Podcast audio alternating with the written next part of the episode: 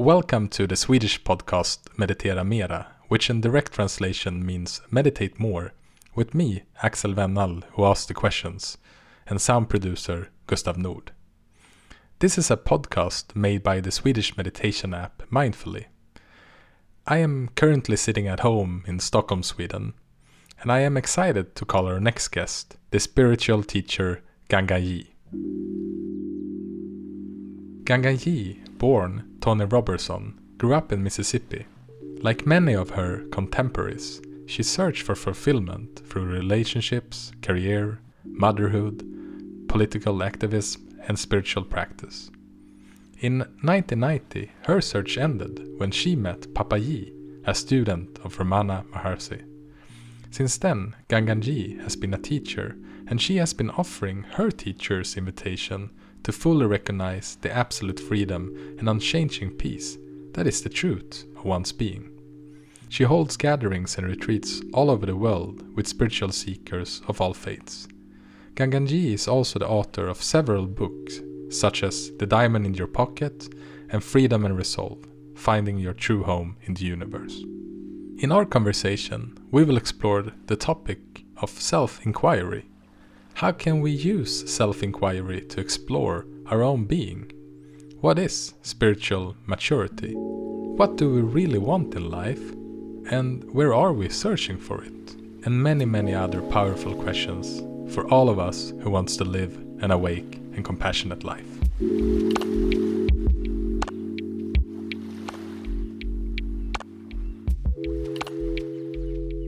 Hello. Hi. So, um, really nice to meet you. And uh, I've, I've listened to you in one podcast episode, I think. And then a couple of months ago, I came over your book, The Diamond in Your Pocket. And it was um, absolutely fantastic. A lovely book. And I think when I wrote to you and your team, I I kind of felt that it would be nice to talk about letting go.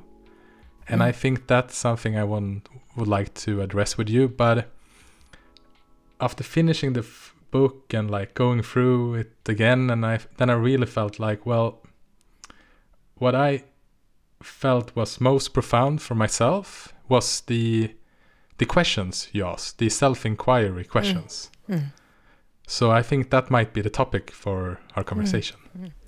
That's great. I mean, that's letting go. It, it, that's a, smaller or a deeper version of letting go. It's how specifically do we let go? And that's what inquiry is designed to reveal. Yeah. So, uh, for those of you who haven't read your book or listened to your talks and are new to you and your teaching, could you pl- please give them a background to your own, perhaps your own awakening? Well, I'll give you a capsule view. I um, I wanted to be happy.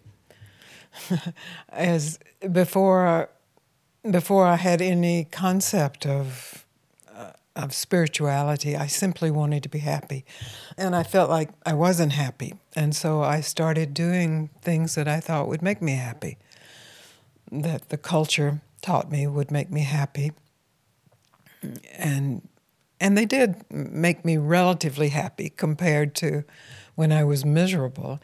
But I kept having to do more because okay, I'm I'm happier than I was, but I would like to be still more happy. And so somehow years and years 20 years from that moment I ended up in California and in California at a certain time when there was an explosion of consciousness in the late 60s and early 70s. And I recognized that uh, what I meant by I want to be happy was I want to be free. I want to know myself. I want to recognize what a true life is. What is this life? How is it to be lived? And so that got me on a, a spiritual search, identified as spiritual. I think it's all a spiritual search. And I, uh, experienced different teachings. There was a lot going on in San Francisco in those days, and I experienced Zen Buddhism and Tibetan Buddhism and different teachers who made their way through the San Francisco Bay Area, and I was profoundly affected by any number of teachings and teachers. But I always would return to suffering. Somehow I identified myself as suffering. And so I would have to do a, a, lot of things to not suffer, to not be myself. I'd have to learn new skills, practice things, and and that was a, a moment of disillusionment. And this was years after I had begun my spiritual search. And I recognized there's something I don't know, that I really don't know, and I need a teacher for that. My husband, Eli, also was recognizing that. And as much as we had accumulated and recognized, and as many beautiful and true, authentic experiences we had had, there was something that was still identified with suffering. And so I prayed for a teacher. I, I never wanted a teacher before. I could see the corruption around teachers. I felt superior to someone who needed a teacher, but I recognized, well, actually, I need a teacher because there's something I'm not getting something I'm not seeing. Mm. So um, within six months of that, I met my teacher. I met Papaji in India. Also, I'd never had a desire to travel to India to look for a guru. Could you please um, explain for the listeners also who Papaji was? Uh, Papaji, yes, was. Uh, I didn't know much about him at that time. Papaji was a died in 1987, and he was um, he was Papaji. Uh, his name was H.W.L. Poonja. He lived at that time in Lucknow, India, and spent time in Hardwar in the hot months of India, and had been a teacher for many years, but had been sort of a wandering teacher. He never wanted to accumulate any number of students. He was a very active, big man, and he was a devotee of Ramana Maharshi, who is a, a revered saint from the south of India. And so Papaji would make his trips to the ashram there, and then Ramana actually sent him uh, back into the heart of India, into Lucknow, to save his family who were all in Pakistan when the partition was made, when India became independent from England. And so he, he never spent time, real time at the ashram after that. And, and people collected around him and then they would disperse. And I'd never heard his name. He wasn't a famous teacher at that time, but one of his students was speaking in the Bay Area, and I was quite struck by how how relevant the teaching was. The teaching being inquiry. And I had, you know, chanted and practiced, but it had um, usually been in either Sanskrit or Tibetan. And even when it was in English, it was a, a, translated form of English that was very stilted. It was not the vernacular. And this student of Papaji's was speaking the vernacular. And so English vernacular. So there was a, an immediacy there. And that's what got me recognizing, oh, I, I have to get there. I have to to meet this this teacher who there were only four or five people there at the maximum when I met him. Uh, my husband Eli went to India and found him and was writing letters back to me that were just electrified. Uh, the letter, even before I opened it, was electrified. And uh, he said, You've got to come here. This is the real thing. This is finally it. We had, both had great teachers that I still respect. But as I said, there was something missing. And he assured me that this is what was had been missing. This teacher, Poonjaji. Uh, we started calling him Papaji because his grandchildren called him Papaji, and that just seemed like a better better name. We didn't want to call him Babaji, and anyway, he was a miraculous teacher. His teachings are still alive. The, finally, many many people came to him when Osho died a lot of the uh, Osho devotees came to Papaji because the, many of them were in India and they came from the south to the north and and his teachings now have spread. He has lots of his prior students who are teaching people. Mooji was a student of his and and, and there are different teachers around and I, I was one of those. He asked me to to take his teaching to the West. He said, You must go door to door. because he saw with certain Americans specifically, because that's who I was assigned to speak to, that there was a profound misunderstanding about spirituality and mm. His invitation and his his telling me what I should offer to people was to stop, to be still, to stop seeking, actually. Mm. was terrifying at the time, but that that's the essence of the teaching. Be, eh, for Ramana, also, Ramana's teaching was essentially be still and recognize who you are. Hmm. So I use a lot of words to get there because our minds are so busy and we are so afraid of stillness. I, I was afraid of stillness. We think we will die if we're still, or we will regress, or we will fail. So,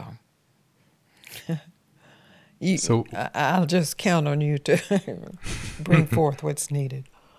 In that first meeting with Papaji, when he told you to stop, what what did you encounter? And mm-hmm. you were also speaking about that you felt that there was something missing, mm. and uh, and then of course the question comes up: What did you find?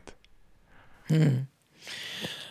well, it was, it was, terrifying to me to stop. I, I re- when I really recognized he didn't mean just sit there in a, a pose of stopping, in a meditation pose, to really stop and uh, I felt terrified. I felt that I would regress back to that person I identified myself as when I was at my worst in the suffering, that I would lose everything I had gained, which is true. I did. But I thought that that meant I would be thrown into the depths of hell. I would suffer with, with no possibility of coming out. And so I, I recognized, though, that I was with a teacher, my teacher, and I had recognized him as my teacher. And so I knew that he was offering me something huge.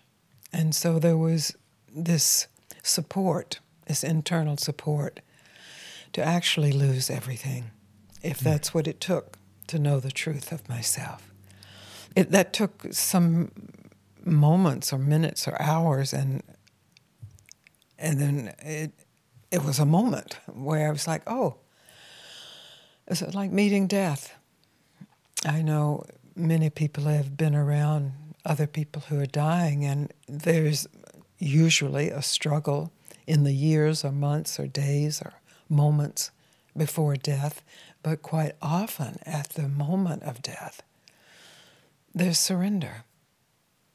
Mm. And in that surrender, there's grace and beauty and release.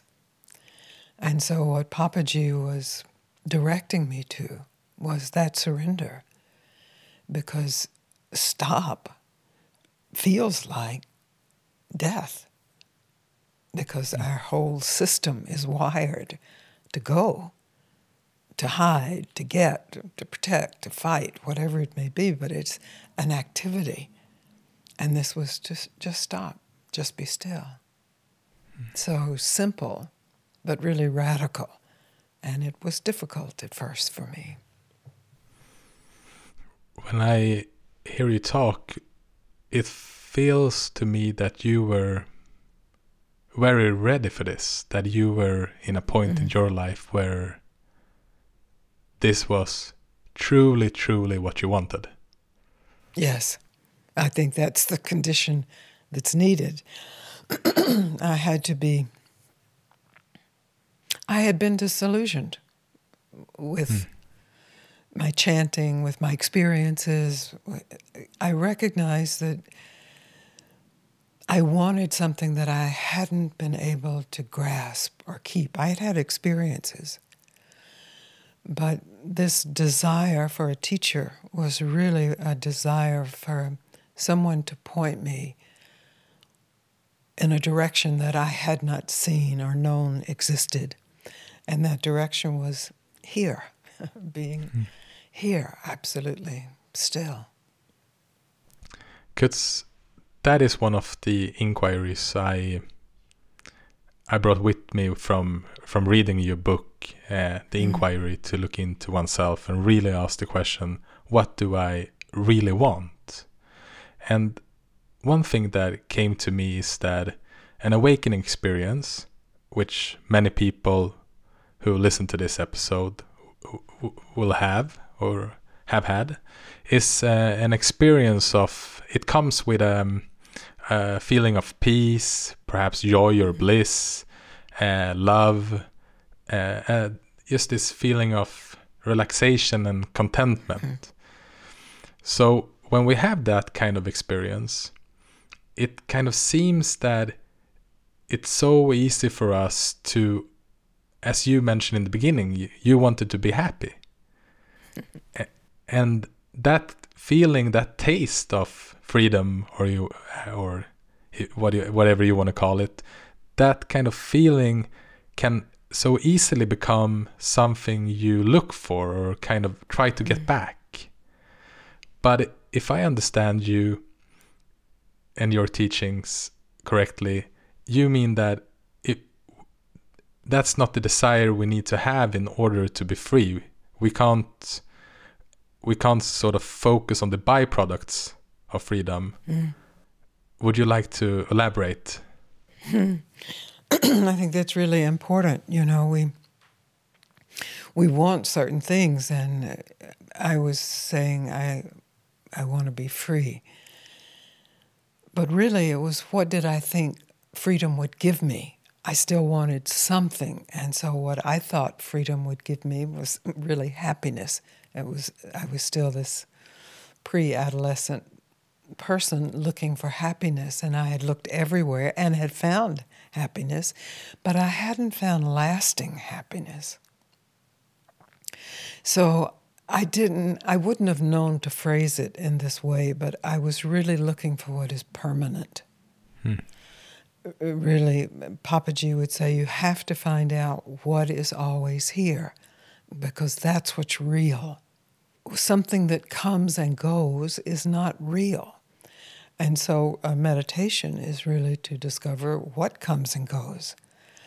And I could see that my emotions would come and go. Sometimes I was in bliss, sometimes I was in misery.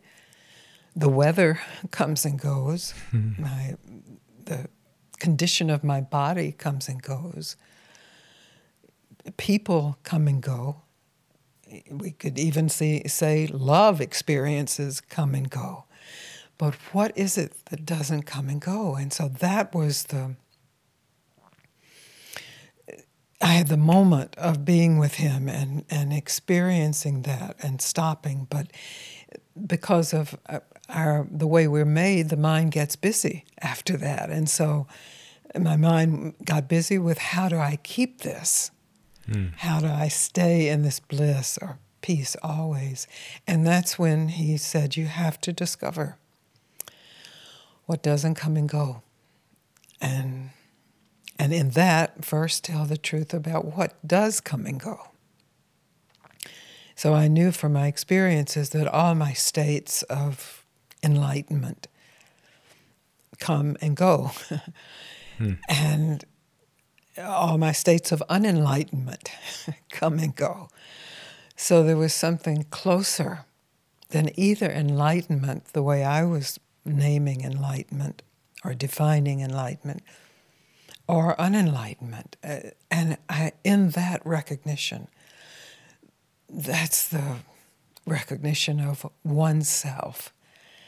And that's what he was pointing me to, and that's what he asked me to come and point others too. And it sounds like what you discovered in the book that there's something that when you recognize that, it's not that it's new, but you recognize it freshly.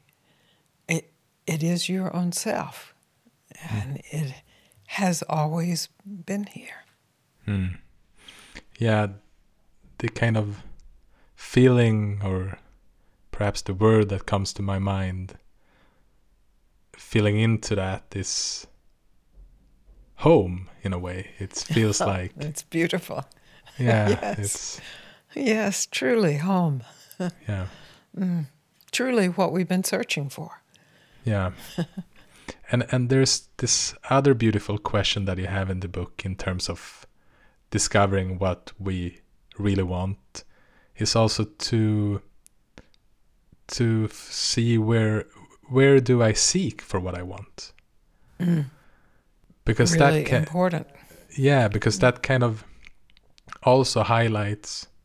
Okay, well, am I am I seeking for happiness outside myself, mm. outside things that that is not in my control, or uh, where, where where am I trying to locate this mm. this happiness? And I think that's one of the big insight insights I had in in one of my first awakening was that I've been striving for all these external factors that help me help me be present and mm. enjoy life. But then I started to kind of realize, but wait a minute. Do I really need the external factors? Mm. They are helpful for sure, and I love and I and I love, for example, skiing or playing with mm. my daughter. But it, it kind of just dropping that question are they needed or is it possible without them hmm. and what does that mean so um, one one of the other things I, I I would like to discuss with you is about spiritual maturity. Mm. What what do you mean by by that? Well, I don't know what I mean. I discover it. uh, somehow it was present in me in in that visit with Papaji. There was a moment in that visit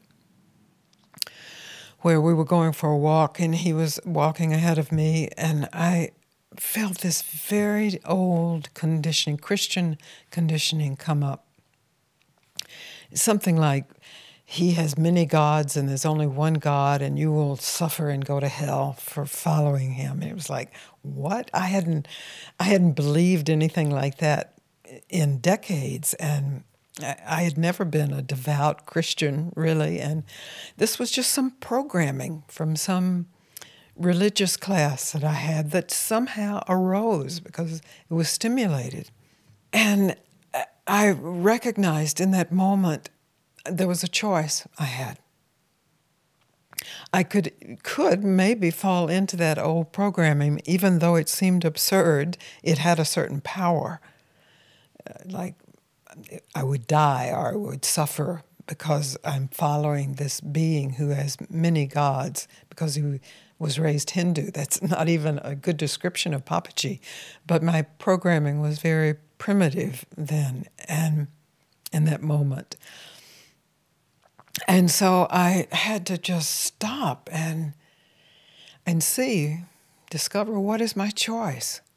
I can fall into this programming, and this was obvious programming. Of course, we have much more subtle programming.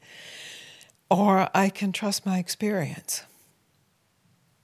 And I chose to trust my experience of this man, this teacher, and trust my own intelligence that if he was a corrupt guru or if he was teaching some doctrine that was going to lead me into suffering that I would recognize that. I would recognize it by my suffering or or by my intelligence. And I think that was the maturity that manifested for me in that moment.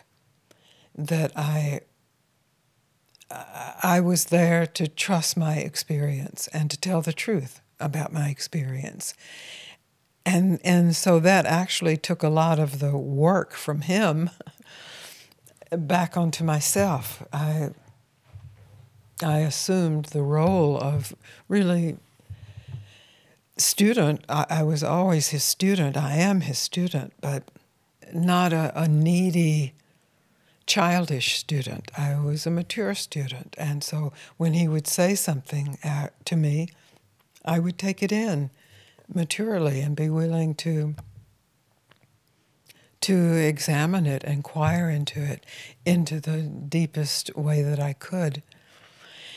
So that's my experience of maturity. But I know when I, I meet people, I, I recognize there are different levels of maturity, and there's really nothing I can do about that. I can offer what I've realized and and meet with people in a way that hopefully helps them discover and and grow and mature even more. But it's uh, an unknown. I don't I don't see that it has anything to do with religious training or or even practice or beliefs. It's a, a capacity for inquiry, a capacity mm. that you can't know you have. You can discover you have a capacity. And in that willingness to inquire, or willingness to experience, then the maturity grows. It's, I, I'm so happy you used the word maturity because I think that that's an essential word. Finally, that's what we're talking about. Uh, are you willing to be mature enough to be still, hmm. to stop? Because the other things that uh, both from reading your book, but also thinking about the topic of spiritual maturity is that, um, as as you mentioned now, the willingness to be completely honest. Mm. It seems that within spirituality, it's so easy to get trapped in different fantasies and stories and escapes, mm. trying to um, kind of pass by life's hard parts. So I think also mm-hmm. maturity for me is the willingness and the understanding that uh, life and especially love hurts. Mm. And be willing to to meet that and and um, and be with that. Mm. So uh, that was also one of the inquiries that I I brought with from your book, and that was um, what what hurt am I unwilling to experience? Mm. Mm. It's a really profound question because it shows you if you if you can stay with it and be honest with it, it shows where you need to mature in a way. Mm. Yeah, so beautiful. It shows where we're closed yeah. are protected because we don't feel that we can bear that. And the ultimate that we don't feel we can bear, just as organisms, is death. Hmm. So, uh, of course, a hard death or a horrible death or loss of love or however that death may be framed in different circumstances, it's losing everything. Yeah. And so the willingness that's really what stopping is in a moment to lose everything, everything you've gained, everything you know, everything you want to keep, or everything you want to keep away. Yeah, because that's, for me, that's been such an important part of this journey to uh, to kind of be in contact with that truth. Mm. Because when you say we will lose everything, it can so easy just slide by because it's a bit like Yeah. yeah sure we'll lose everything of course everybody dies but when you kind of dig into that and feel it and like oh shit i will actually lose everything everything that i cherish that i love or Yes. that i value in my life i will lose it and, and just that inquiry because i read it the other day and um, i was uh, putting my daughter to bed and she was sleeping next to me and just to hear her fall asleep and breathing next to me it was one of the most beautiful moments of my life. And i've been i've been hearing her for 16 months and of course i've been having times when i felt an awe or a kind of big big compassion or love for her but as soon as i kind of just remind myself okay but i won't have her for eternity mm. i will i will lose her then mm. this moment becomes so precious Yes. Yes. That's the that's revealed. You know, we can hear that, but in your direct experience of that, actually as you spoke about it, you were transmitting it. So that you you brought all of us to that moment because that was a true moment. That was not on the surface. That was in the depths of recognizing how how precious this moment is, this life, what does that how fleeting. yeah what does that um, truth uh, evoke in you You mean at that moment with Papaji or just in general? Just in just in general like how uh-huh. how how close to heart do you keep that truth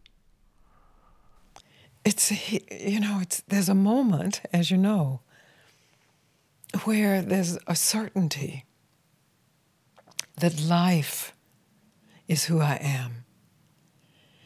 I I am this life form, this this preciousness that is subject to birth and death, but life is my true identity because it doesn't come and go. And I'm not just talking about the carbon molecule or our biosphere, but cosmic life, the cosmic presence of being.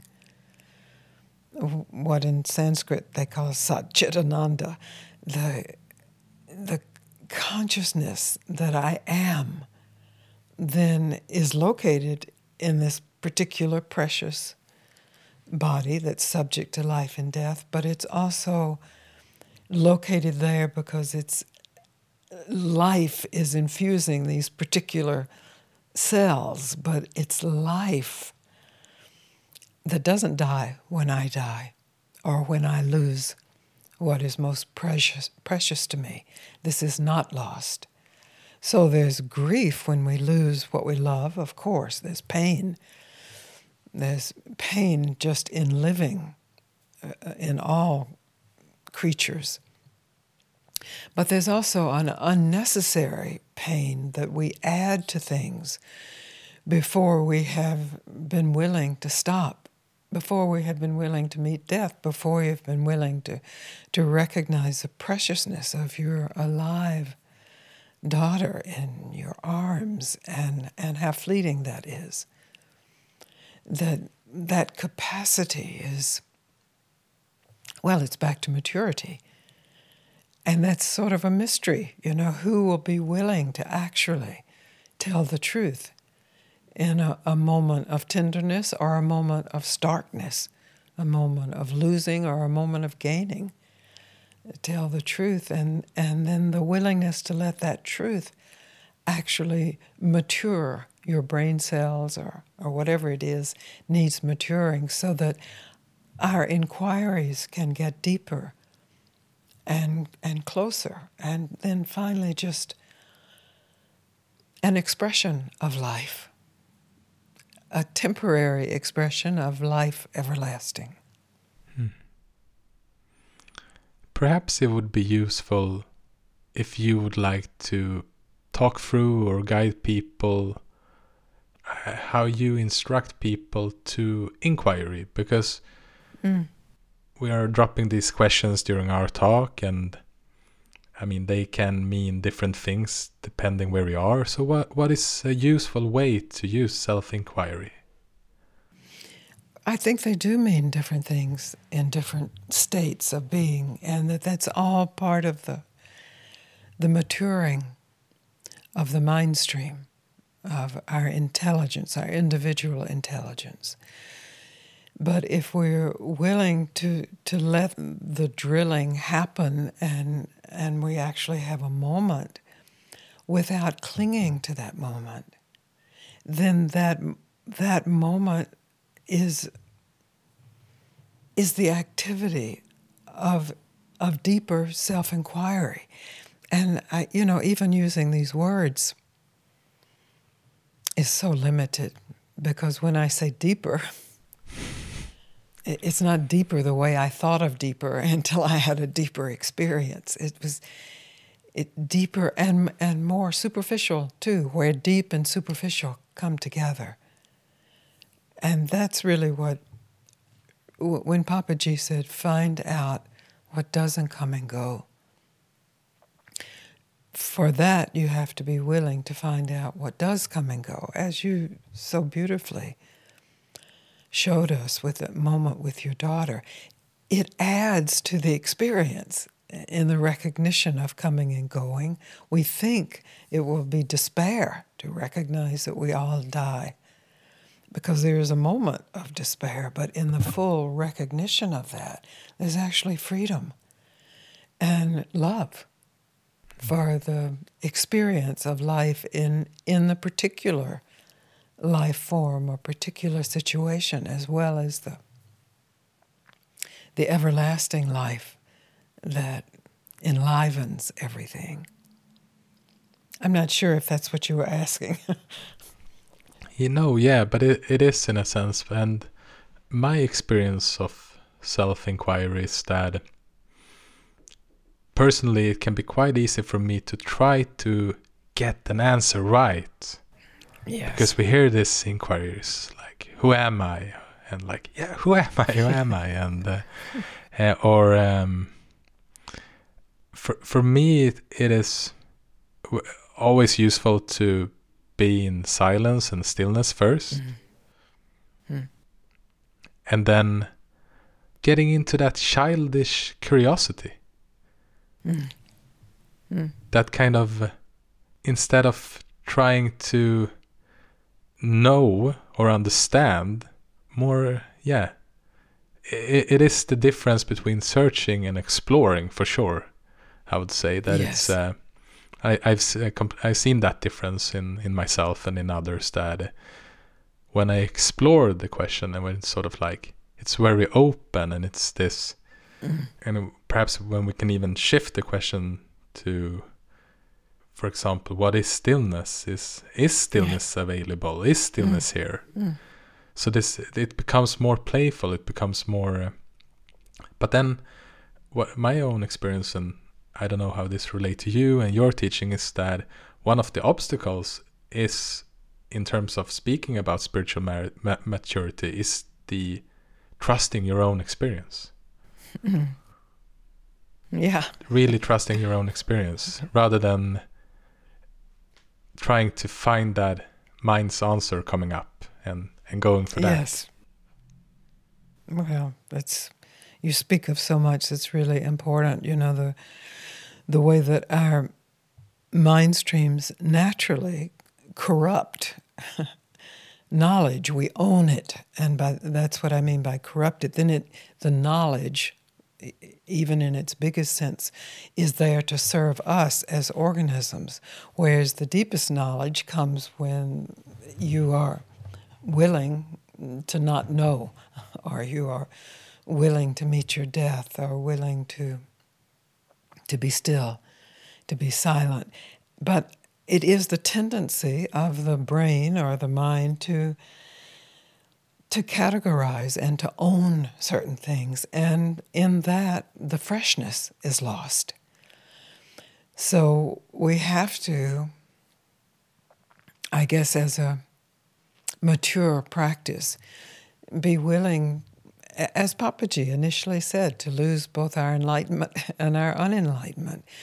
we have to lose whatever it is we think inquiry is, or we think the light is, or we think the truth is, or love is, and be willing to experience it from a, a space of unknowing. And that's a space of innocence. And that's the point of, of death even being part of our conversation and the spiritual conversation because the point of death is in fact a point of innocence for this life form because it's never died before. Of course, it, we do go through many deaths in a day, but the ultimate death. And so the ultimate silence for me is really not knowing. Not and so enlightenment it has no meaning in that. And even inquiry has no meaning. Inquiry had meaning to push me to the edge of that.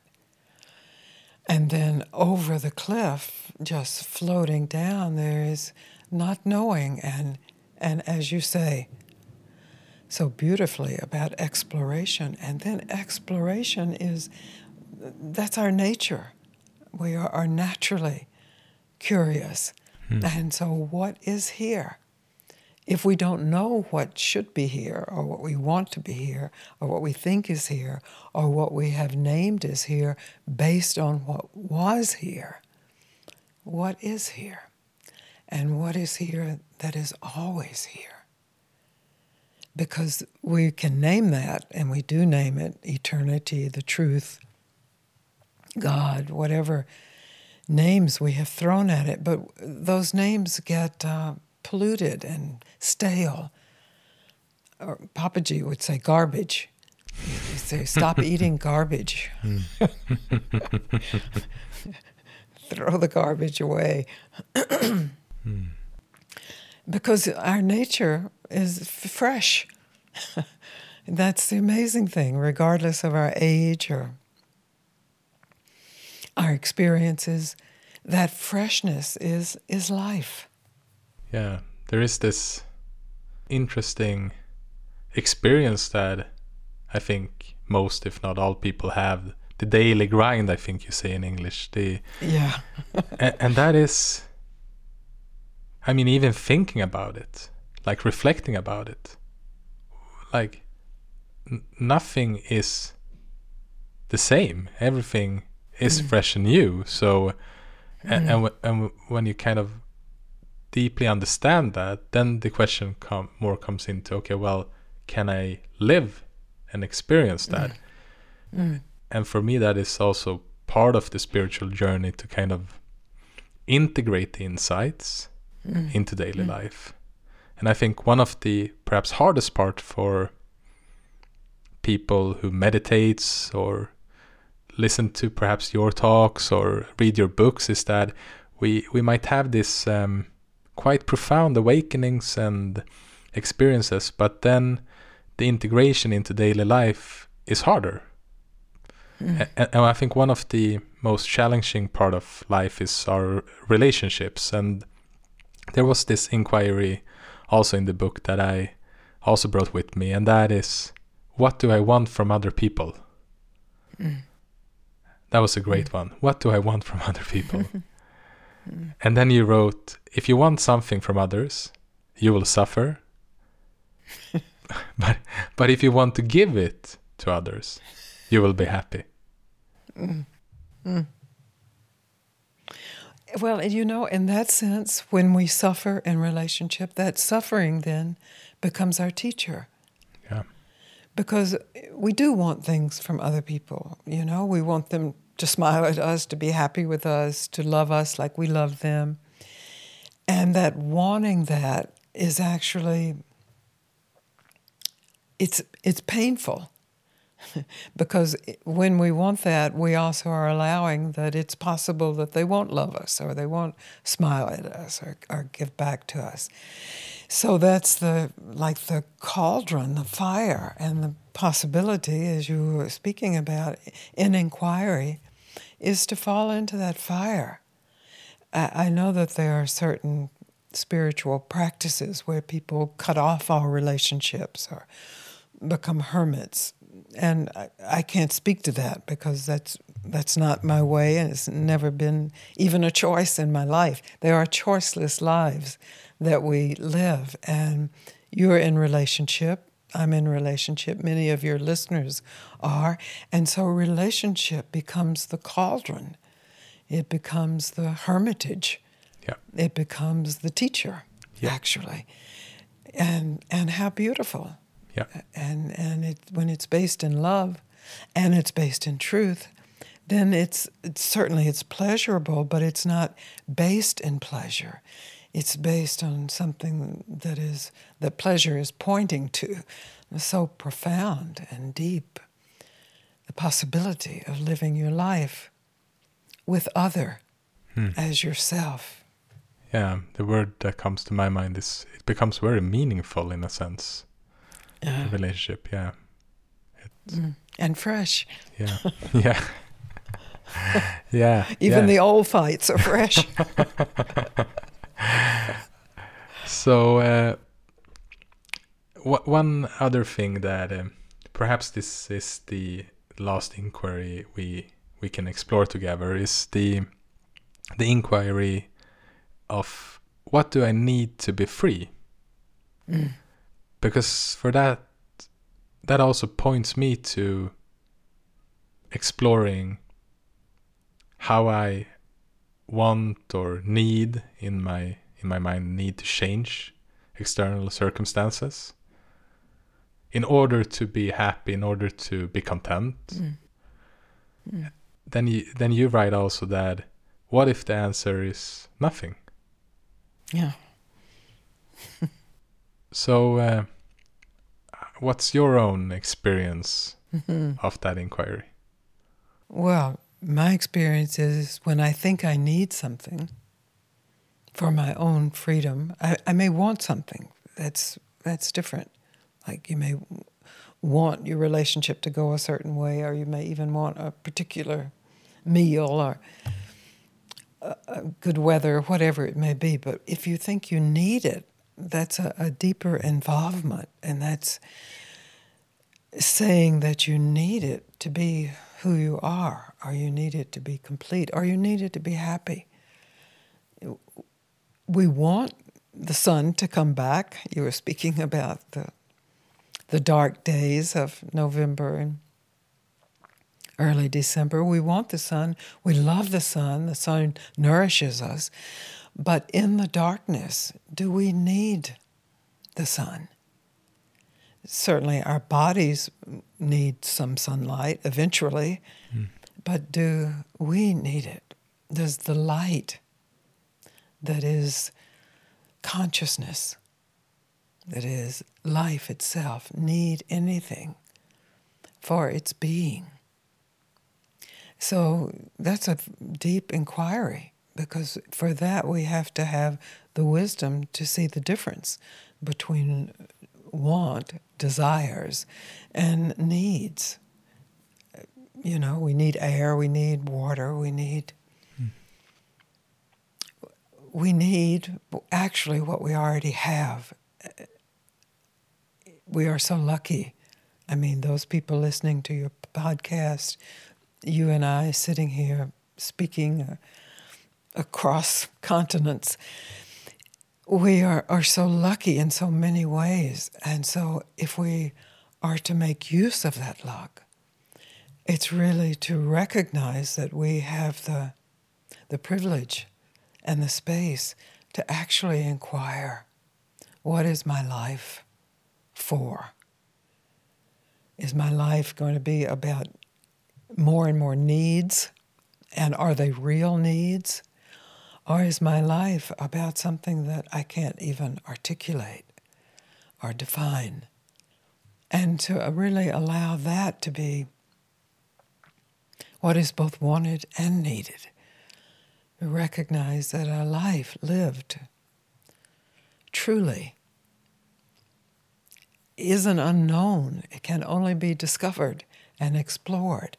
And it, in that, it satisfies every need and, and I don't want to make light of, of needs. Of course, if you're ill, you need medicine, you need care. If you're a small child, you need protecting, you need teaching, you need growing. So it's not to discount all of those animal needs that we share, but to recognize that at a certain point in your life, you need the truth.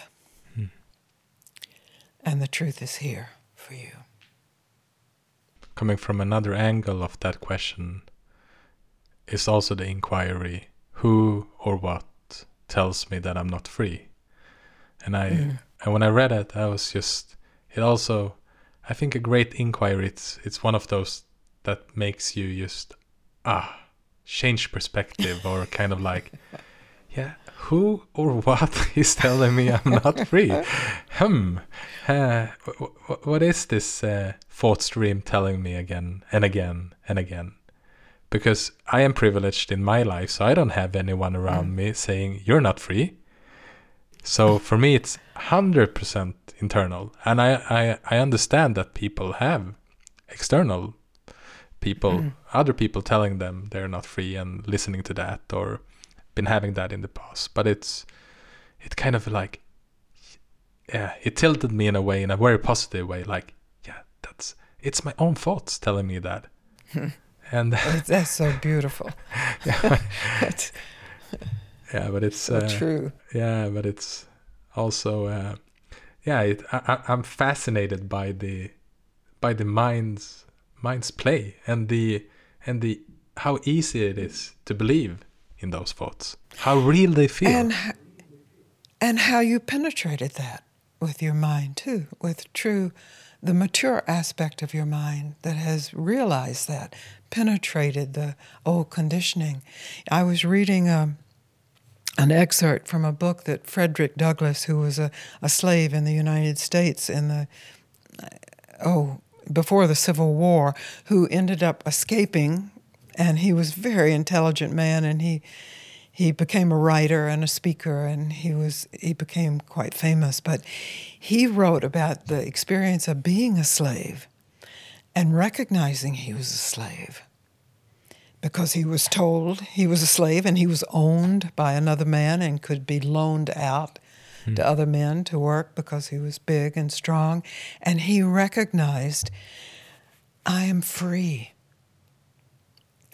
and so I've got to make my life free, that I am not a slave. The, the, the conditions of my life are slavery. And so that gave him this innate power and intelligence to break through, to escape slavery, and then to eventually pay his master for himself so that he got a certificate saying that he was a free man. And he was a very influential uh, speaker and mentor and just a, a, force of intelligence in the abolitionist movement here in the United States. But he is still this light because here he was, a slave hmm. who knew he was free. Hmm. And somehow, I think all of us have to find out where our lives are telling us that we're enslaved and how that we have to stand up to that too. That that we are free, whether it's in your relationship or if it's in your workspace or your country, wherever it is, that there there's a way of living your life that's total, that includes the internal and the external, the deep and the superficial hmm. it would be beautiful if you would like to guide a short meditation in the end. It's like now, okay. Yeah. would you would you be open to do that? Sure, we'll see. We'll yeah. see what comes out. yeah, that's beautiful. So I'm I'm handing over the microphone to you. Okay, good. So, wherever you are. Well, if you're driving, you want to pull over the side of the road, but wherever in your house or outside, inside. Just give yourself these next five minutes, this small part of the minutes in this day, to simply be here. You can be aware of your breath if that helps you settle into being here. Be aware of your body. Be aware of the sounds around you. Just letting everything be here, where it already is. And as you simply and easily sit here, just ask yourself the question what do I want? There may be answers that you have learned that you should want, but this is just with yourself, so you can tell the absolute truth. What do I want?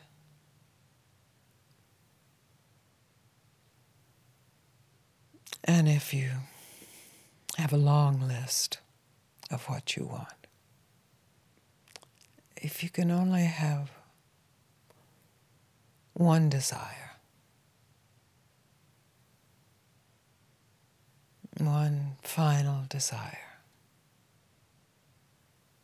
for your life, for the remainder of your life. What is that desire?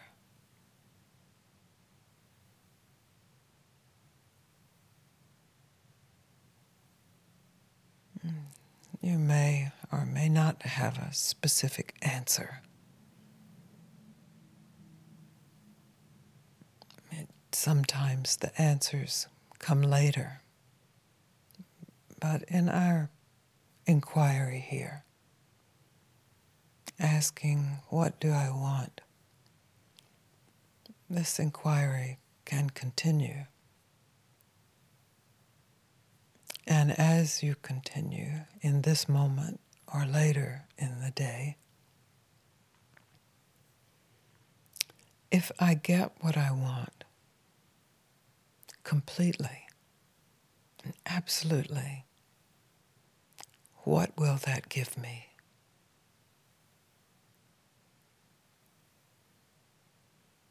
What will I have when I get what I want?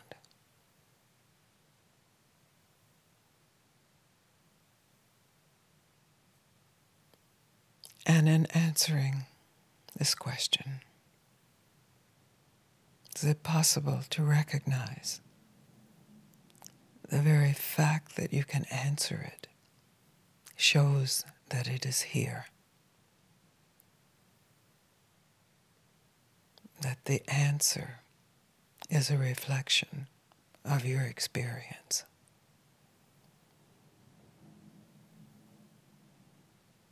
that in the depths of your heart and your intelligence, you have what you want. You are what you want. And when you have and are what you want, how is your life lived?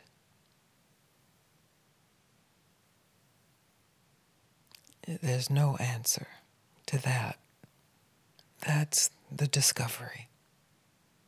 You'll discover in this moment as our eyes open and we recognize everything around us and we discover the answer to that later in the day, perhaps, in the week, and even years from now. How has my life reflected that? That's what brings us together. That's why we meet.